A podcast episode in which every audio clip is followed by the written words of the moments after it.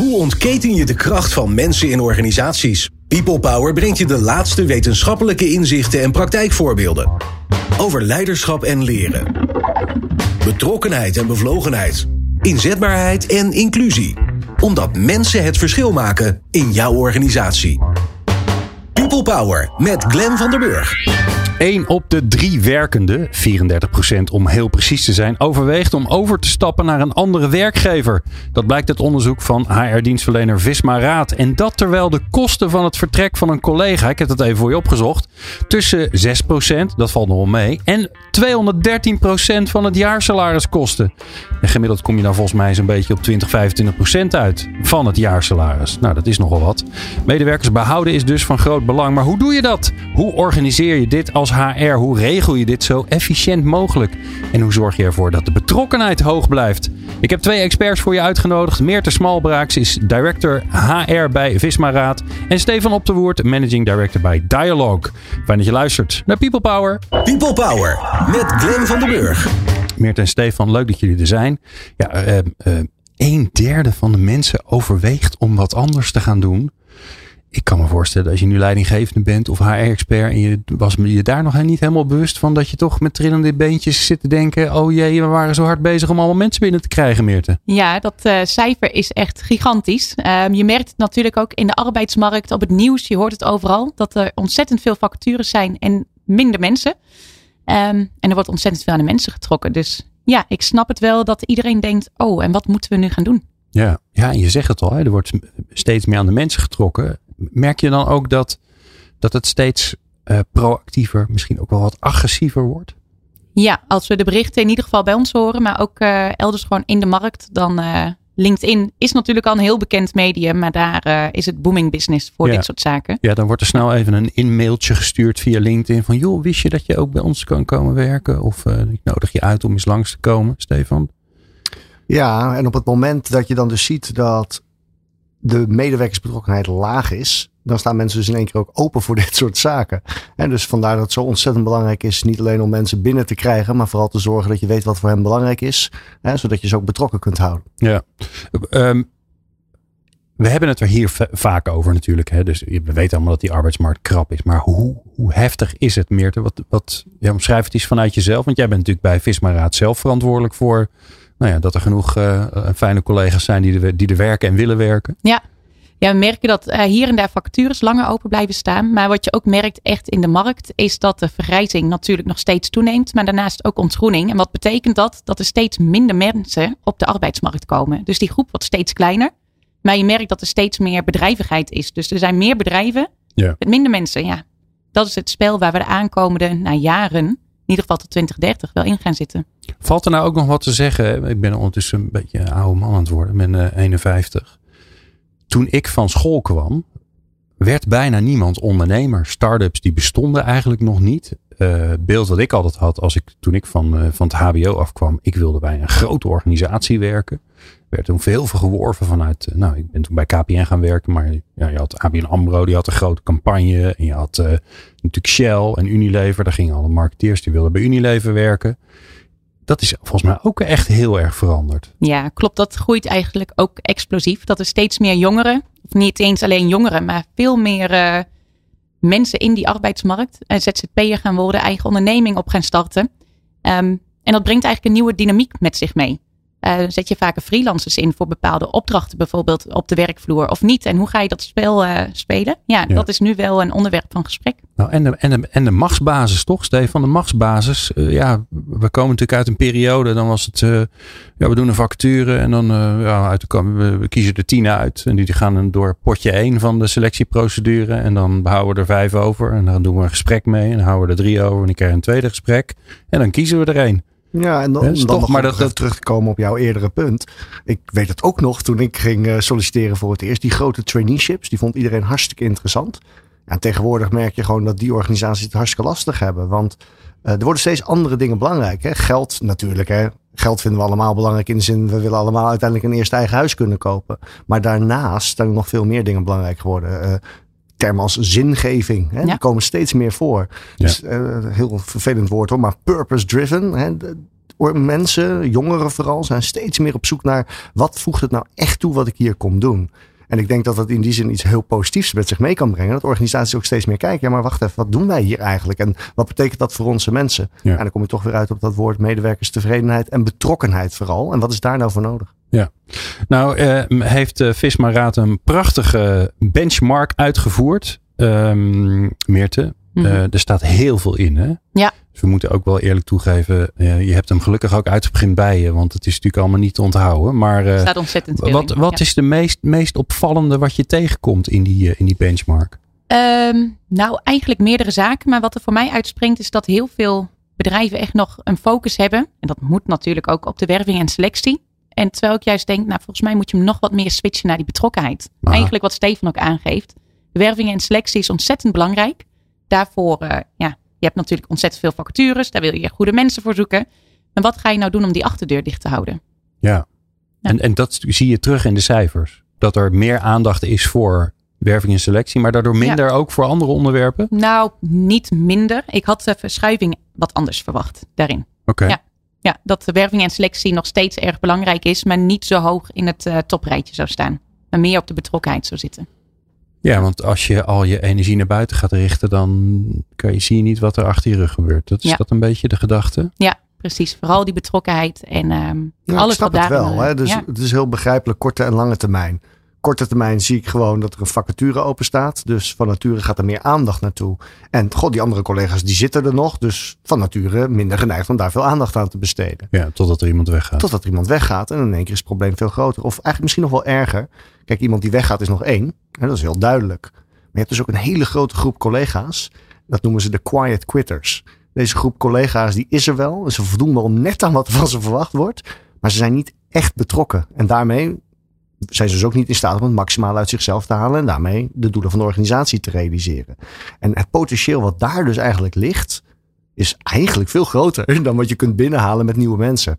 Nou, en daarin zijn vooral daarop inhakend. Oh, ja, sorry. Nee, heel goed. De eerste 45 dagen van een medewerker die nieuw bij een dienst komt, die zijn daarin cruciaal. Ja. Ook de eerste 45 dagen, dus dat is anderhalve maand. Ja, die zijn echt. En waarom is dat? Uh, nou, om te kijken van zijn de gesprekken die ik heb gehad met de recruiter, met de hiring manager, komen die overeen met de daadwerkelijke, ja, hoe het in het bedrijf gaat, met de cultuur? Is dit wat ik ervan verwacht had of niet? Word ik goed meegenomen? Hoe is mijn inwerkperiode? En als je daar veel steekjes laat vallen, dan merk je eigenlijk al dat die eerste 45 dagen echt cruciaal zijn. En dat iemand misschien in zijn hoofd al heeft besloten, dit wordt hem niet. Dus je productiviteit die daalt.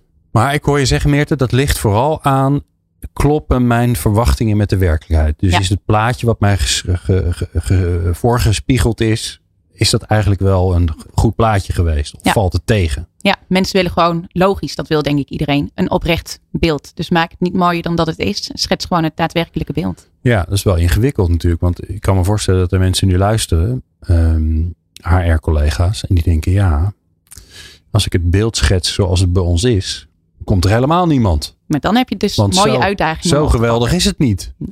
en daar is precies denk ik het punt wat we met elkaar heel graag willen benadrukken. Ga je aandacht besteden aan wat hebben mensen nodig die nu voor je werken om zich optimaal betrokken te voelen. Daarmee wordt straks de werving van nieuwe mensen nog veel makkelijker. En het een sluit het ander natuurlijk helemaal niet uit. Het is niet zwart-wit. Ja. Uh, maar als je daar geen aandacht aan besteedt, dan weet je redelijk zeker dat al die exercities van nieuwe mensen aantrekken op de lange termijn heel weinig oplevert. Ja, maar dus ik kan me heel goed voorstellen dat dat heel uh, omgekeerd voelt. Hè? Dus je, je, je hebt te weinig mensen. Je hebt, je hebt eigenlijk te veel werk, zou de conclusie moeten zijn. Dus je, je wil nieuwe mensen aannemen. Dan ga je logischerwijs naar buiten. Dat is nu wat je ook terugziet in, in jullie benchmark, Meerte. Um, maar wat je zou moeten doen is dat je eerst aandacht besteedt naar binnen. Dus zorg dat het daar goed is, dat de collega's blij zijn. Nou, dat je het potentieel wat er nog in zit, eh, wat je zegt Steven, dat je dat uh, probeert uh, eruit te krijgen. En dan, voordat we dat, want daar gaan we heen hoor. Helpt het dan ook dat als je die aandacht aan, de, aan het intern, aan de collega's besteedt, helpt het je dan ook om uiteindelijk weer meer mensen binnen te halen? Ja, zeker. Niet alleen al je verhaal naar buiten wordt steeds duidelijker. Maar ook bijvoorbeeld de referrals. Ik weet niet of dat een, uh, voor iedereen hier een bekende term is. Maar ik denk het wel. Daar ga ik even vanuit. Aanbevelingen. Ja, klopt. Dus dat uh, wordt dan ook een stuk hoger. En dat is natuurlijk ontzettend goede, makkelijke recruitment.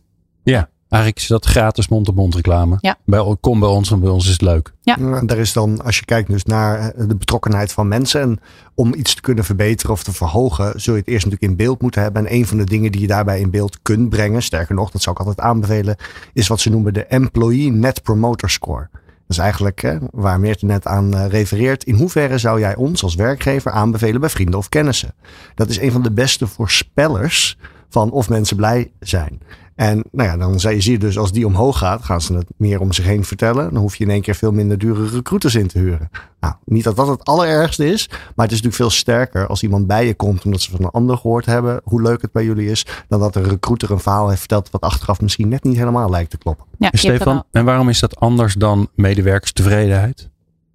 Ja, ik denk dat je die beweging wel hebt gezien. Hè? Het heet soms in organisaties nog steeds een MTO, medewerkerstevredenheidsonderzoek. Maar tevredenheid is in die zin een hele slechte voorspeller. Dus je kunt tevreden zijn, maar niet betrokken. En, maar betrokken ben je meestal wel tevreden. Als voorbeeld. Ik kan heel erg tevreden zijn, want ik heb een heel dik salaris. Mijn baas, uh, nou ja, die zit me eigenlijk nooit op mijn nek. Ik uh, kan uh, prima mijn eigen uurtjes bijbalen. Maar het wil helemaal niet zeggen dat ik met passie naar mijn werk ga. Dat ik op een positieve manier bijdraag aan het succes van de organisatie. Dus die tevredenheid, als je alleen maar daarop gaat zitten en alleen maar in beeld wil brengen hoe mensen dat ervaren. Dan weet je dus helemaal niet of dat daadwerkelijk gaat leiden dat mensen meer uit zichzelf gaan halen. Wat je uiteindelijk als organisatie wel wil. Tevredenheid klinkt een beetje neutraal. Terwijl betrokkenheid gaat over emotie. Ben je trots? Ben je, ben je blij? Ben je enthousiast? Ben je ja, dus, passievol? Dus, dus betrokkenheid is eigenlijk de prestatiecomponent van je cultuur. Terwijl tevredenheid is inderdaad, wat je zegt, veel neutraler. Hè? Dus, het is oké. het is oké. Ja. Um, ik kan heel tevreden zijn over mijn werkgever, maar dat wil niet zeggen dat ik heel betrokken ben. Dat voorbeeld wat je eerder zei. Ik denk als je mensen zou vragen naar de tevredenheid van de randvoorwaarden die gecreëerd zijn bij ABN AMRO, even een bedrijf, dat ze daar heel positief over zouden zijn. Maar als je ze vraagt, zou je nou echt bij je vrienden aanbevelen om hier te komen werken? Mwah. Dat is interessant. Ja. dus die hebben alle randvoorwaarden goed. De HR-directeur daar zal hartstikke tevreden zijn met alle beleid wat ze hebben opgetuigd. Maar dat zegt nog niet per se iets over die medewerkersbetrokkenheid. Ja. Dus gaan wij, en dat spreken wij nu met elkaar af. We gaan niet naar buiten kijken, we gaan naar binnen kijken. Ja. Dus wat kun je nou doen om ervoor te zorgen dat, uh, ja, de achter, ja, het klinkt zo onaardig, de achterdeur dicht zit. Het is alsof je mensen dwingt om binnen te blijven. Nee, hoe, hoe, zorg, hoe zorg je er nou voor dat, ja, dat mensen uh, dat, die, dat die 34% die overweegt om ergens anders te gaan werken, dat dat bij jou, bij jou in de organisatie geen 34% is, maar veel lager. Nou, dat zijn ontzettend veel uh, factoren, maar om het even op te knippen daarin. Um, kijk eens naar welke generaties je in je bedrijf hebt werken. Want iedere generatie die heeft andere, hè, dat is over één kam geschoren, generaal, ja, over het algemeen gesproken, willen zij andere dingen uh, dan andere generaties. Dus breng die key aspecten eens in kaart. Okay. Wat wil nou iedere generatie die bij jou in huis werkt? En vanaf daar ga je verder bekijken, sluit mijn beleid daarop aan? Um, is er een continue dialoog die wij met elkaar hebben? Staan mensen open voor feedback en wat doen we daarmee? Dus het gaat op veel verschillende assen. Maar van generaties, maar ook het continue dialoog en elkaar feedback geven echt ontzettend belangrijk zijn.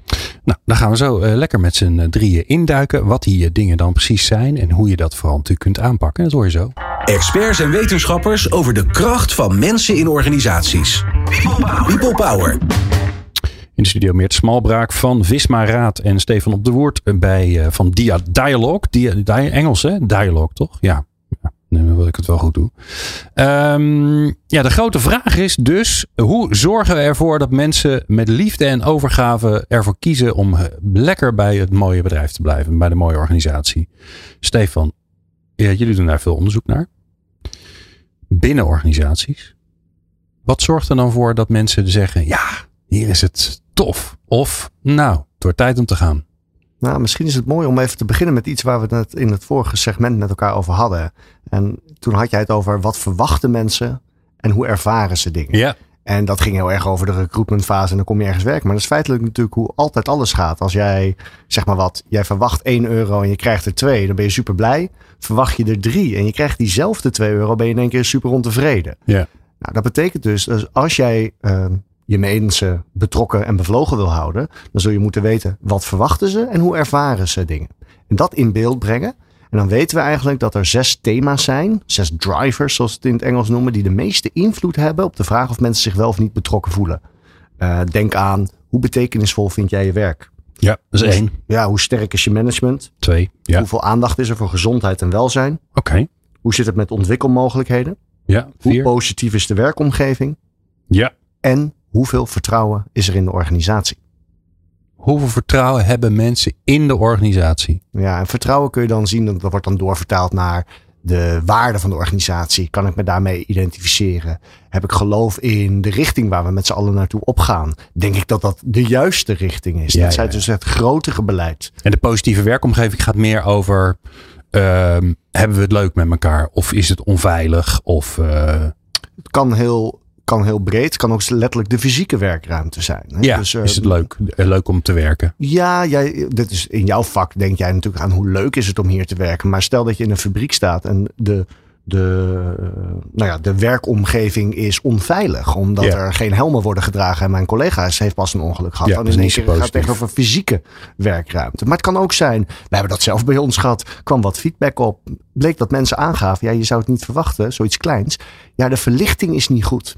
En dat, heeft, ja, dat heeft impact. Ja, super simpel om zoiets op te pakken. Dus je krijgt een signaal, je doet er wat mee hup, en de perceptie is beter. En dan zie je dus meteen dat dat impact heeft. Nog niet per se alleen om die verlichting aan zich, maar ook het feit, hé, hey, ik word gehoord, ik word serieus. Ja, ik krijg aandacht. Ja. ja, dat is het natuurlijk ook. En, en, je, en daarmee haal je uh, datgene wat mensen graag willen dichterbij wat, wat er is of wat ze krijgen. Ja, en dat kan dus ook verschillen. Hè? Want ik noem hier de zes thema's die het meeste invloed hebben op de vraag of mensen zich wel of niet betrokken voelen. Maar dat kan dus ook verschillend zijn. Het kan zijn dat in sommige teams dat er heel veel uh, aandacht naartoe zou mogen gaan naar hoe betekenisvol mensen hun werk vinden. Terwijl het in andere delen van de organisatie juist draait om hoe sterk is het management. Um, dus... Ja, want kun je zeggen, uh, deze zes zijn allemaal ongeveer even belangrijk? Of zit daar verschil tussen? Hm. Ik denk dat, het dus, dat je kunt zeggen dat deze zes de meeste invloed hebben. En dat dat per organisatie of zelfs per team verschillend kan zijn waar de meeste nadruk naartoe zou moeten gaan. En daarom ook het risico om het plat te staan en te zeggen: we gaan met z'n allen aan dit werken. Hoezo? Misschien is het wel een heel ander thema dat speelt bij team A of bij team B. Ja. Ja. daar heb je al iets heel belangrijks te pakken. Echt het maatwerk per team, maar soms zelfs wel per individu. Dat kan verschillen. Dus kijk daar uh, ook echt naar. En hoe doe je, want dat vind ik interessant. Dat is een van de thema's waar, waarvan ik ondertussen, hè, want ik maak elke week deze programma's. Er komen heel veel HR-mensen langs. En ondertussen denk ik, ja, de tijd van al die grote programma's. We gaan het nu met z'n allen over leiderschap of met z'n allen over duurzame inzetbaarheid hebben. Is een beetje voorbij, toch? Ik bedoel, ja, in de ene afdeling is er wat anders nodig dan in de andere afdeling. En het ene individu heeft iets anders nodig dan het andere individu. Hoe, hoe doe jij dat, meer in, jouw uh, in jouw club? Nou, we hebben nog steeds overkoepelend beleid. Maar dat kun je ook zien als een soort van kapstok. Het is er, maar je kunt het zelf invullen hoe je het daadwerkelijk dan wilt inzetten. Kijk bijvoorbeeld naar coaching. Dat is zo breed. Ja, niet iedereen heeft dezelfde coachingsvraagstuk natuurlijk. Maar dat kun je als individu zelf dan bepalen. Ja, wat voor type coaching zoek ik nou precies voor mij? Wat helpt mij in mijn werk? En ja, in mijn persoonlijke ontwikkeling. Ja, dus je hebt een soort winkeltje. Ja. En daar heb je gewoon van alles en nog wat eh, aan te bieden. En het is uiteindelijk aan de manager of de medewerker om daar iets uit te halen waar die wat aan heeft. Ja, je hoeft het niet te gebruiken, maar als je het wilt, dan is er iets voorhanden. En hoe weet je dan wat er nodig is? Um, door die, uh, ja, wat wij zelf moeten doen, is uh, één keer per twee maanden het monitoren van de medewerkersbetrokkenheid. Dus okay. echt specifiek ook weer toch die betrokkenheid, wat Stefan eigenlijk ook al aangeeft op 13 verschillende drivers, waar die onderverdeeld zijn onder de zes thema's, toevalligerwijs die je benoemt. Uh, die zijn ontzettend belangrijk. En de feedback die we daaruit krijgen, dat bepaalt deels onze agenda. Want dan zien hm. we echt, ah, daar moeten we op inspelen. Dat kunnen we verbeteren, zodat dat goed is voor de algehele betrokkenheid. Oké, en wat, uh, waar ben je nu mee bezig? Onze meest belangrijke pijlers voor dit jaar zijn echt de gezondheid, uh, ja, mental well-being heet het heel mooi bij ons, health en well-being. En de groei.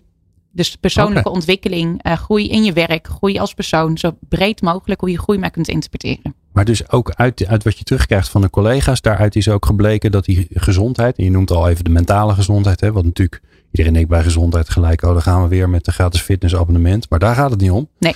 Wat, wat, en wat doen jullie daar dan aan? Um, het is wat breder inderdaad dan enkel uh, mentaal of fysiek. Uh, tuurlijk, uh, we zijn lid van een bepaald programma dat je door het middel van uh, stappen tellen of kunt sporten cadeaubonnen kunt verdienen. Dus dat is één mooi middel om fysiek wat meer te doen. Maar ook die mentale coaching. Um, nou, zei ik het eigenlijk al, de coaching heel laagdrempelig maken voor medewerkers. Het zelf ook gebruiken dat ze ook zien, hey, het is niet gek als ik coaching wil, want het gaat door alle lagen van de organisatie. Iedereen gebruikt het en het mhm. is heel toegankelijk om dat in te zetten. Waar en wanneer um, kan ik daar gebruik van maken? En hoe laat je dat dan zien? Want ik kan me best wel voorstellen dat het aanbieden en zeggen ja, het is er en uh, je kunt er gebruik van maken en zo werkt het. Dat is natuurlijk één. Maar ja. als jij niet zo lekker in je vel zit, ja, dan, dan ga je niet zo snel naar iemand anders toe. Nee, dat klopt. Vanuit HR uh, hebben we daar een bepaalde invloedssfeer in. Heel veel communicatie, maar vooral ook uh, leiders echt in het zadel zetten om dat aan te bieden eigenlijk aan de teamleden. Oké. Ja, dus leiders zijn hier ontzettend belangrijk in. in al deze punten. Je noemt, het, je noemt het leiders, je noemt het niet de managers. Is daar een reden voor? Ja, managers. Ja, ik hou meer van het woord leidinggevende. Ja, ja, ja. Nou, het is wel mooi, hè? Want wat je net zei, ik, ik, wil twee dingen even combineren. Um, enerzijds had je het over kapstok. Oftewel, natuurlijk vanuit HR willen we bepaalde dingen faciliteren, zodat het er is. En anderzijds, die leidinggevende, leiders in hun rol zetten. En dat is wel een hele belangrijk, want als je kijkt naar die medewerkersbetrokkenheid, 70% van het verschil tussen betrokken en niet betrokken teams is te herleiden naar de direct leidinggevende. En als ik zo vrij zou mogen zijn om alle HR-mensen die luisteren een tip te geven. De grootste valkuil op het moment dat organisaties meer willen inzetten op die betrokkenheid, is dat HR zich verantwoordelijk gaat voelen. Hmm. Maar HR kan alleen maar faciliteren.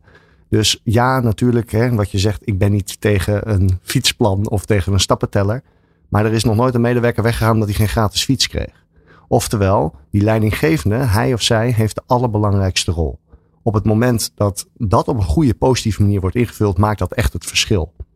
Maar ja, hoe maak je hen dan verantwoordelijk? Dat is denk ik een echte belangrijke vraag. Nou ja, geef maar antwoord op je eigen vraag. Want volgens mij is dit een van de grootste dilemma's van de gemiddelde HR-collega. Dat je, um, je, bent van, uh, je bent van de mensen, van de medewerkers.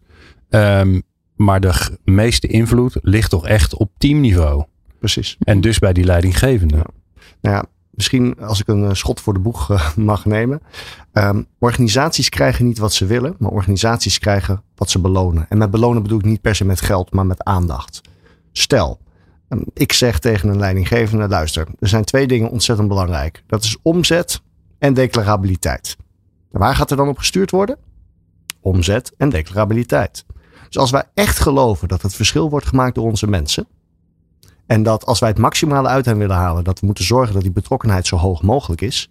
Waarom maken we die betrokkenheid dan niet structureel onderdeel van dat gesprek? Ja. Dus wat je bijvoorbeeld ziet bij Visma, is dat alle leiders de EMPS, die Employee Net Promoter Score, in hoeverre mensen fan zijn van jou als organisatie, dat is gewoon een structureel onderdeel van alle gesprekken met de zogenaamde managing directors. Daarmee is het dus niet meer vrijblijvend. Nee, daarmee wordt het een onderdeel van elk gesprek. En moet je eens kijken hoe sneller dan in één keer aandacht naartoe gaat vanuit leiders. Oké, en Meerte, hoe heb je dat voor, nou ik wil niet zeggen jij, hoe heb je dat met je collega's voor elkaar gekregen? Dat dat is, dat dat is ontstaan? Nou, deels uh, natuurlijk als onderdeel van Visma. Het is de standaard. Maar dat hebben we eigenlijk ook helemaal omarmd. Want je ziet wat inspelen op de feedback van je medewerkers. Wat dat doet, wat dat teweeg brengt. En dat is mhm. gewoon ontzettend positief. Iets kan helemaal niet goed zijn in je organisatie. Soms zie je dat zelf niet. Maar door die feedback um, door daar goed naar te kijken en daar ook daadwerkelijk wat mee te doen, dan ga je verschil merken. En nu is het ook gewoon een hele leuke tooling om mee te werken. Ik hoor je ook zeggen, dat zit eigenlijk al in de, in de, in de cultuur van het bedrijf. Klopt, dat, dat zit was helemaal al. erin verweven. Ja, ja ik zou ook niet meer daar los van kunnen denken om dat niet op die manier te doen. Het helpt zo erg in je bedrijfsvoering. Ja, ja. ja want Visma is een Scandinavisch bedrijf. Ja, klopt. Ja. Ja. ja, dat helpt natuurlijk hè. Dan heb je die Scandinavische cultuur.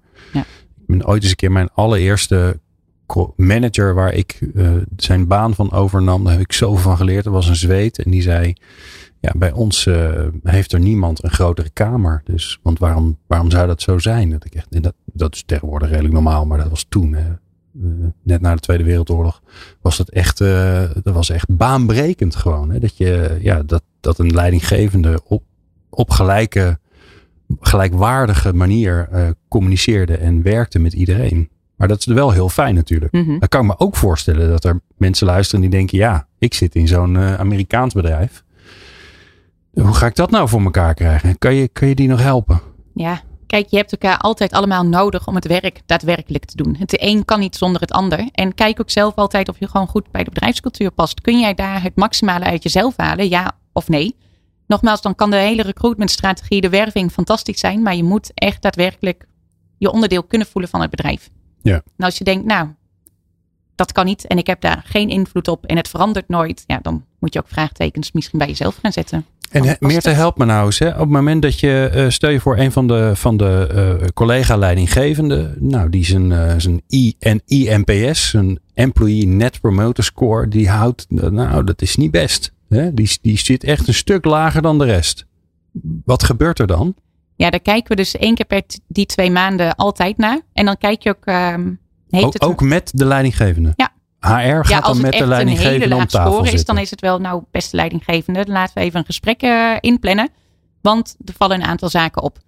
Um, maar dan ga je ook kijken, heeft het te maken met meerdere drivers, zoals we dat noemen, um, die heel slecht scoren. Waar komt het vandaan? Zijn er net veranderingen geweest? Want als er veranderingen zijn geweest, dan zie je vaak dat ook een klein beetje inzakt. Want mensen houden niet altijd van verandering. Mm. Um, en dan ga je het monitoren. Hoe gaat het dan in de aankomende maanden daarna? Want de momentopname, ja, daar houden we niet zo van. Vandaar ook dat we het heel vaak monitoren. En dan ga je kijken of er een trendlijn in te uh, ontdekken is. Oké. Ja, en als die er is, ja, dan kan het zijn dat we minder leuke gesprekken Jullie vanuit HR hebben dat gesprek met die leidinggevende. Ja. En dan is het, ja. we zien dit gebeuren en hoe kunnen we je helpen? Dat is natuurlijk allemaal heel vriendelijk, snap ik. Ja, klopt. En soms ook wel sessies met uh, de teams zonder een leidinggevende bijvoorbeeld. Dan hebben we dat natuurlijk wel van tevoren voorbesproken. Um, maar eigenlijk ook om zoveel mogelijk feedback op te halen. Van wat is het nou? Waarom loopt het niet? Ja. ja. Ja, je zou daar zelfs nog een stap verder in kunnen gaan als je dat zou willen als organisatie. Want um, kijk, HR-mensen, dat zijn natuurlijk over het algemeen mensen die heel erg de behoefte hebben om te helpen. Heel erg mensgericht. En vanuit de beste bedoelingen kun je dingen natuurlijk overnemen. Want in mijn ideale wereld zou niet Meerte met die leidinggevende in gesprek gaan, maar zou de leidinggevende van die leidinggevende met ja, ja. in gesprek gaan. Van wacht even, wat gebeurt hier? Want dit is essentieel. Jouw mensen maken het verschil. Want we hadden het net, zo begonnen we ons gesprek. Hè, dat ging heel erg over verloop. Maar hou je vast. Meer dan 80% lager ziekteverzuim bij betrokken teams. Als je dat vergelijkt met niet betrokken teams. 80% over je business case gesproken. Hmm dus je ziet het op veel meer vlakken terug. Je ziet dat de productiviteit die 40% hoger is. Uh, klanttevredenheid die omhoog schiet. Winstgevendheid. Dus uh, op alle vlakken zie je het terug als die teams meer betrokken worden. Ja, vandaar dat het wat mij betreft uh, business critical bijna is om daarop te sturen met mhm. elkaar. Zeker. Ja. Eigenlijk de driehoek, hè, inderdaad. Dat inderdaad de leider van de leid, direct leiding geven, om het dan zo te zeggen. die driehoek met HR, dat gesprek om ook gewoon het beste naar elkaar, in elkaar naar boven te halen daarin. Ja. ja. ja.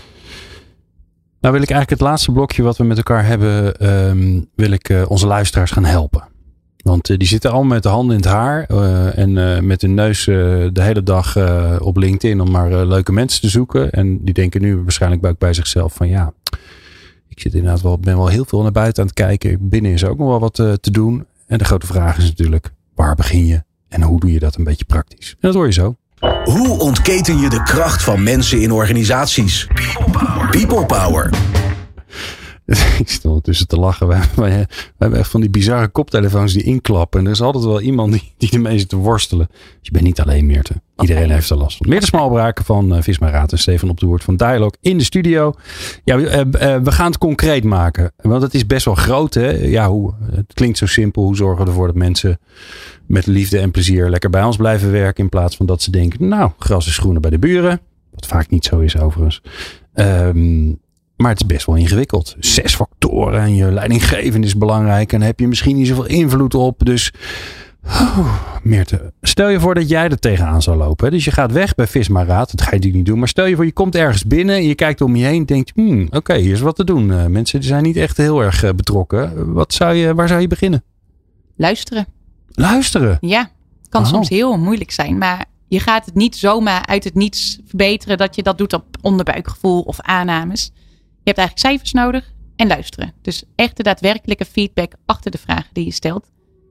En da vanuit cijfers en luisteren. Oké, okay, cijfers, die cijfers krijg je door. Anonieme onderzoeken. Oké. Want je kunt nog met medewerkers in gesprek gaan. Uh, maar soms zit er een drempel om echt alle feedback op tafel te gooien. Dus het is eigenlijk een combi. Anoniem feedback ophalen en daadwerkelijk luisteren en het in gesprek gaan met medewerkers. En uh, dat vind ik wel interessant. Jij gaat dan in gesprek met medewerkers. Die hebben een gesprek met de HR-baas. Die, is, die komen licht uh, trillend uh, binnen. Ehm, hoe zorg jij ervoor dat ze, ja, dat ze je vertellen wat je graag wil horen? Ja, het mag ook een gesprek met de leidinggevende zijn natuurlijk. Dat leidinggevende staat voor team, kent het team het beste. Uh, werkt dat niet, natuurlijk, dan is er altijd iemand van HR aanwezig om drempel laag te maken. En dat, um, wat ik denk in ieder geval, dat wanneer je het beter kunt maken, is wanneer zij feedback geven, dat zonder consequenties is, als dat allemaal hele slechte feedback zal zijn. Ja. En dat je daarop gaat inspelen en langzaam naar veranderingen toe werkt. Om het toch okay. een stukje beter te maken. Dus laten zien dat je er wat mee doet. Ja, dat ja. hun stem gehoord wordt, dat je stem ertoe doet, dat je daar waardering voor krijgt. Van bedankt voor deze feedback, want door jou maakt het weer een stukje beter bij ons. Ja, het ingewikkelde lijkt me dan, Stefan, dat je, zeker als je een wat grotere organisatie hebt, hè, als je een MKB-bedrijf met 20 mensen hebt, nou, dan kun je, die kun je alle 20 nog wel spreken. Dat gaat nog wel lukken. Maar als je een paar duizend hebt, wordt het ingewikkelder. Hoe zorg je er nou voor dat je die achter de juiste dingen komt? Want vragen stellen is best lastig. Zeker. En dan laten we dat even combineren met jouw eerste gevoel van, oh jeetje, wat is dit weer allemaal groot. Dat is eigenlijk de klassieke valkuil dus dan gaan we eens in het jaar of twee jaar een heel groot MTO doen. Hè, medewerkerstevredenheidsonderzoek. Ja, 63 vragen. Nou, waren het er maar 63. Laten we er 150 doen. En dan gaan we lekker uh, aanvinken. Want poeh, wat een hoop tijd. Super momentopname. ja, en we wilden ook nog even gelijk dan de vragen meenemen voor het veiligheidssurvey. Want die doen we dan gewoon ook erin. We, we, we zijn toch het onderzoek aan het doen. Dus je ziet, er zijn heel veel mogelijke thema's. En om die thema's goed in beeld te brengen moet je heel veel vragen stellen. Het moet natuurlijk ook wetenschappelijk verantwoord zijn. Dus voor je het weet, tuig je iets heel groots op. Wat vervolgens voor elke individuele medewerker heel veel tijd kost. Voor elke leidinggevende. Voor HR is het een project wat drie kwart jaar moet lopen. En waar een hele FTE op zit om dat te faciliteren. Maar dat is denk ik precies de valkuil. Want dan gaat, lijkt het bijna te gaan om een soort alles perfect in beeld te brengen. Maar dat hoeft helemaal niet. dus je ziet, alles wordt kortcyclischer ik wil niet in januari 2020 een heel groot MTO gedaan hebben. En dan drie maanden later zitten we in een lockdown. Ja, lekker belangrijk wat mensen in januari dachten. Dus je ziet die trend is naar kortcyclischer. Continu met elkaar in beeld hebben. En dat hoeft dus helemaal niet zo groot. Je kunt gewoon met 20 vragen, kun je die zes belangrijkste thema's prima in beeld brengen. Ja, en dan weet je niet of het een 4.1 of een 4.3 is. Nou, het is allemaal een onvoldoende. dus dat idee, als je dat los weet te laten, wordt het in één keer een stuk behapbaarder. Als we dat dan combineren met wat je ook zei van, ja, maar moet HR dan met iedereen in gesprek? Nee, dat hoeft dus helemaal niet. Mensen willen op een laagdrempelige manier dingen kunnen delen. En je kunt dus ook anoniem in gesprek. Dus als je dat op een moderne manier faciliteert, hè, dat doen wij dan met onze engagement platform, dan kun je dus ook gewoon reageren of een vraag stellen zonder dat je weet wie het is. Ja, ja, ja. Oh ja, dan heb je een soort ik zeg maar een soort forum en dan iemand die reageert, zoals je dat normaal misschien ook in een medewerkerstevredenheid onderzoek in het open veldje zou doen. Alleen nu kun je daarop reageren en dan krijgt diegene ook weer een reactie en denkt, oh oké, okay, oh, zo had ik er nog niet aan ja, hoe, wat bedoelde ik daar eigenlijk ook weer mee? Nou, precies dat laatste. Hè? Dus het gaat niet eens altijd om dat je kunt zeggen, ach, hier is je oplossing. Maar mensen willen uiteindelijk gehoord worden, willen zich serieus genomen voelen. En dat kun je dus op een hele makkelijke manier doen. Sterker nog, ja, HR mag faciliteren. Maar sommige thema's, als je door de hele organisatie ziet dat iedereen over een bepaald thema een bepaalde zorgen heeft of verbetermogelijkheden ziet, dan is het daadwerkelijk iets wat op organisatieniveau ligt. Maar heel vaak ligt het helemaal niet op organisatieniveau. Dat betekent dus dat een leidinggevende voor zichzelf direct een aantal aanknopingspunten heeft. Oh, hier kan ik wat mee gaan doen. Ja. Ja, en dan zeg ik, hoe, um, Meerten, hebben we jouw hulp denk ik even nodig er wordt op, natuurlijk op heel veel plekken wordt er inderdaad onderzoek gedaan op allerlei verschillende soorten manieren. Ik hoor ook vaak terug dat het gewoon in een la blijft liggen. Of in een ja. inbox to-do plekje ergens. Oh ja, daar, ja, daar moesten we nog wat mee doen. Dus hoe, hoe help jij de organisatie om daadwerkelijk iets met die feedback te doen? Nou ja, het, staat, het is leuk dat het is natuurlijk super dat die EMPS uh, uh, in een lijstje staat uh, met je KPI's. Dat is al fijn. Ja, daar, uh, als je weet inderdaad van nou, dit zijn mijn KPI's, daar gaan we op sturen. Wat voor subdoelen zitten daaronder? Hoe ga je met kleine acties ervoor zorgen dat je dan ook daadwerkelijk naar dat doel, uh, doel gaat toewerken? Dat het dus niet in een laadje blijft liggen. Want wat Steven eigenlijk al zei, als het heel groot voelt, ja, dan ga je het op het algemeen nooit doen. Want dan denk je, oh, dat moet ik nog een keer gaan doen. Dus maak het klein, behapbaar, hang er subdoelen aan. En kijk ook wat je met je team samen kunt oppakken. Dat kan natuurlijk niet altijd. Soms is het echt op organisatieniveau. Moet je structureel zaken anders gaan aanpakken. En prima, daar zit je daarvoor op dat niveau met dat team om dat te gaan doen. Ja. Maar maak het behapbaar, kleine doelen. Oké, dus we gaan eerst goed luisteren. Dat doe je of uh, heel gestructureerd met een onderzoek. En als je nou uh, inderdaad 25 medewerkers hebt, zou ik zeggen, voer gewoon gesprekken. Ga gewoon praten en wandelen. Dat maakt het een stuk makkelijker. Um, nou, er komen van allerlei dingen uit. En die, daar moet je dan iets mee gaan doen. Wat doe je als er iemand uh, ergens mee komt of iemanden ergens mee komt en je denkt, ja, weet je, ik kan niet alles tegelijk. Wat doe je daar dan mee? Eerlijk aangeven. Van, dit is een bewuste keuze dat we dit nu niet doen of dat we dit niet gaan doen om reden X, Y en Z. Oké. Zolang je maar duidelijk bent in wat je doet en waarom je wat doet en ook waarom je iets niet doet, um, dat geeft al vaak uh, veel meer begrip. Ja, ja, dus je kunt beter zeggen, uh, oké, we hebben dit signaal gezien. We gaan er nu niks mee doen, want dan dat je denkt, oh fuck, wat gaan we hiermee doen? Mm -hmm. En het blijft liggen en het blijft liggen en het blijft liggen. Ja, ja. en dan krijg je ontevredenheid. Stefan? Ja, misschien nog aanvullend. Kijk, dus als er iets uit een onderzoek komt, en je, hoe je het ook verwoordt, hè, ja, dan moeten we oppakken. En dan komt er een acties. En ja. Oh ja, dat moet ik ook nog doen. Nou, het rollen. De grote truc is dus, hoe maak je iets onderdeel van je bestaande way of working? Hoe werken we al met elkaar? En als je me in die flow meeneemt met elkaar, dan wordt het op een gegeven moment heel natuurlijk. Bijvoorbeeld, veel organisaties werken eigenlijk al met elkaar op kwartaalbasis. Dus dat betekent dat ze van tevoren zeggen, nou, dit willen we gaan doen. Vervolgens gaan ze aan de slag. Dan is er een kwartaalsessie met het hele team of het hele bedrijf. En dan kijken we met elkaar terug. We kijken waar we nu staan en we kijken weer vooruit. Dus als je dit op eenzelfde manier, op die strategische manier meeneemt, dan ben je dus ook meteen eigenlijk al continu aan het communiceren. Aan het vertellen wat je wel doet, wat je niet doet kun je mensen mede verantwoordelijk maken. Dat betekent helemaal niet dat je alles zelf hoeft te doen. Dat betekent ook soms dat je je collega's zegt van hé, daar hebben we hè, de sfeer. Ja jongens, dat zijn we wel met z'n allen. Dus misschien zit daar wel iets waar we allemaal wat aan kunnen doen. Ja. Nou, daar zit voor mij de echte oplossing. Onderdeel maken van de bestaande manier hoe je met elkaar werkt. Ja.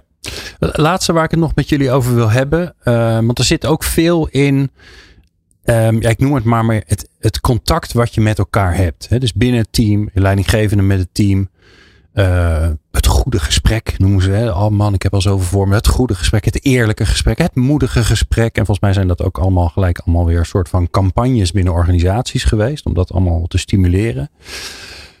Waar ik nog steeds niet achter ben, ook al ik ben erachter dat het belangrijk is. Maar waar ik nog steeds niet achter ben is, wat zijn nou handige handvatten als je een goed gesprek met een collega wil voeren, als leidinggevende of gewoon als collega, maakt niet zoveel uit wat kan je dan slim doen? Waar ga ik, waar ga ik zitten, staan, lopen? Welke vragen stel ik nou eigenlijk? Ja, Wie wil? Stefan wil? wil? Graag. Stefan wil heel graag. nou, kijk, als je kijkt naar het goede gesprek, inderdaad, hè, dat wordt elk jaar noemen we dat weer uh, net iets anders. De continue dialoog horen we ja. ook. Naast het uh, sturen op betrokkenheid ondersteunen wij ook het goede gesprek. Um, en de gedachte is dat je eigenlijk ziet dat je drie dingen moet doen met elkaar. De eerste is altijd, hoe is het eigenlijk met jou als mens? Hoe gaat het met je? Hoe is het? Dus, ja. En dat klinkt zo, goed. Ja, maar dat, dat precies dit. Hoe is het? goed? goed? Lekker weekend gehad. Ja, leuk man. Ja, voetbal. Uh, ja, ik ben kinderbioscoop geweest. Maar als je het dus hebt over het goede gesprek, dan betekent dus dat er aandacht is voor de persoon. Dat betekent natuurlijk dus dat je niet wil zeggen, hey, hoe was je weekend? En vervolgens hey, kunnen we het even hebben over het werk wat we hadden afgesproken. Maar dat er dus oprecht even aandacht is voor hoe is het met jou? Ja. Hoe is het thuis? Dat persoonlijke stuk. Vervolgens, onderdeel 2 van een goed gesprek, je rol. Inderdaad, het lijkt me hartstikke waardevol en logisch dat we het hebben over wat heb jij te doen, wat kun je bijdragen, uh, wat hadden we bedacht, hoe gaat dat nu? Dan werkt het natuurlijk wel als je dat doet vanuit een plan wat je vooraf had bedacht. Want anders is het altijd, hoe is het bij jou? Ja, druk. Oh, oké, okay. heb je nog wat nodig? Nee. Precies wat jij net ja, schetst. Ja. Dus als je vooraf bedenkt wat je wil doen, dus je ziet diezelfde dynamiek. Verantwoordelijkheid nemen, plan maken, uitvoeren en daar het over hebben. En het laatste stuk, dat is ontwikkeling. Dus de langere termijn. En dat is, dat is eigenlijk net als dat eerste stuk klinkt logisch, maar dat laten we vaak weg. Want oh ja, dat is langere termijn. Ja, het gaat gewoon over nu. Nee, maar waar zie je jezelf nou over een jaar of over twee jaar? En wat ben je nou eigenlijk aan het doen om daar voor jezelf naartoe te, te werken? En als je leidinggevende dus ook dat als handvatten meegeeft. En dat kun je natuurlijk faciliteren hè, met zogenaamde gespreksversnellers. Daar kun je echt mensen wel mee helpen. Bijvoorbeeld door informatie heel toegankelijk te maken. Ja, daar kun je het verschil maken. Oké. Drie dingen. Nou, zo overzichtelijk. Ja, daar nog op inhakend. Wat je ook zei over die handvatten. Ik vind het ontzettend belangrijk dat een werkgever voorziet in de kaders eigenlijk. Maar als werknemer dan kun je zien hoe zijn die kaders, uh, hoe ziet dat eruit en wat is dan mijn stukje? Hoe ga ik daarin mijn kansen pakken? Het is niet achteroverleunen en kijken wat er voorbij komt. Zo werkt het niet. Pak, hem, uh, pak de regie zelf. Ja, en faciliteer dus dat eigenaarschap. Hè? Dus eigenaarschap nemen en geven. En als organisatie mag je de, de kaders creëren waardoor mensen dat kunnen doen. Ja, want soms is het heel spannend om op werk te praten over je ontwikkeling of hoe je relatie met elkaar is. Terwijl thuis doe je niet anders. Daar praat je ook met je partner, vrienden, familie over hoe het met je gaat, uh, wat je wilt gaan doen. En als je een keer een discussie hebt, doet dat ook geen afbreuk eraan. Maar waarom zou dat eerst anders wel zo zijn? Het voelt alsof er wat van afhangt, terwijl je juist het beste met elkaar ja. boven wilt Maar het interessante is, de, Stefan, die, dat vind die drieslag wel interessant. Kijk, als jij, weet ik veel, één keer in de, één keer in de maand, uh, ik noem maar eens even een dwarsstraat, met je leidinggevende gaat wandelen. Zou maar mijn tip zijn namelijk, hoef je elkaar niet aan te kijken. Dat praat een stuk makkelijker. Voor mannen heel belangrijk. Ja, is ook voor mannen vooral? Zeker. Oh. Mannen is een heel goede tip om te gaan wandelen met ze. Want mannen praten makkelijker als ze niet tegenover elkaar zitten en zich elkaar hoeven aan te kijken. Oh, nou, kijk, heel goed. Dus we gaan wandelen met mannen. Is ook goed voor de gezondheid trouwens. Mm -hmm. En alle andere dingen. Maar, um, maar als je dan die drie dingen volgt, dan, dan heb je dus eigenlijk automatisch uh, stimuleer je, want de, de, het is leuk dat de kaders er zijn, maar je stimuleert dan mensen wel om, oh ja, ja, oh ja, ik moet, daar, ik moet er toch even over nadenken. Want in de hectiek van alle dag kan je dat natuurlijk ook kwijtraken. Ook al ben je misschien nog zo, uh, zo slim en leuk en goed bezig met je werk. Ja, soms, uh, dat kent iedereen natuurlijk wel, dat het werk je inhaalt of dat je de dag begint en dat je denkt, nou, ik ga dit, zus en zo doen. Ja. Ja, en opeens wordt je hele agenda overhoop gegooid. Maar nog steeds door dit continue gesprek en dat ook niet één keer per half jaar, maar wat vaker in een korte cyclus, wederom, ja, dan blijf je er vaker bij stilstaan en haal je dat naar boven samen. Volgens mij hebben we veel gedaan en veel geleerd. Dus um, ik zal even een ongelooflijk snelle, veel te korte samenvatting doen. Um, ja, werving en selectie is belangrijk. Maar als je het binnen niet op orde hebt, zou ik lekker binnen beginnen. Want, terwijl jij buiten aan het spelen bent en, en op LinkedIn mensen zitten lastig te vallen, lopen je medewerkers weg. Dat lijkt me onhandig. En als je dan iets met binnen moet doen, dan is de betrokkenheid belangrijk. En als je dan iets met betrokkenheid doet, dan is de leidinggevende belangrijk. Dus uh, zorg ervoor dat hij dat snapt. Handig als het in zijn KPI staat dat die betrokkenheid is. En het eerste wat je moet doen als je denkt van, oh jee, hoe ga ik dat aanpakken, is goed gaan luisteren. Dat is hem. Ik zit even te kijken, want ik wil natuurlijk gewoon even goedkeuring, zoals ja, iedereen. Ja, hè? Ik zit, ja hè? het was een samenvatting. De baas zegt dat het goed is. Mm -hmm. Ja, heel goed. Ik dank jullie zeer. Meert Smalbraak van Visma Raad en Stefan Op de Woord van Dialog. Um, als je nou meer over die organisaties wil weten, dan zorgen wij voor linkjes in de show notes. Uh, als je de podcast aan het luisteren bent en heb je live geluisterd. Goh, wat leuk dat je live geluisterd hebt naar People Power.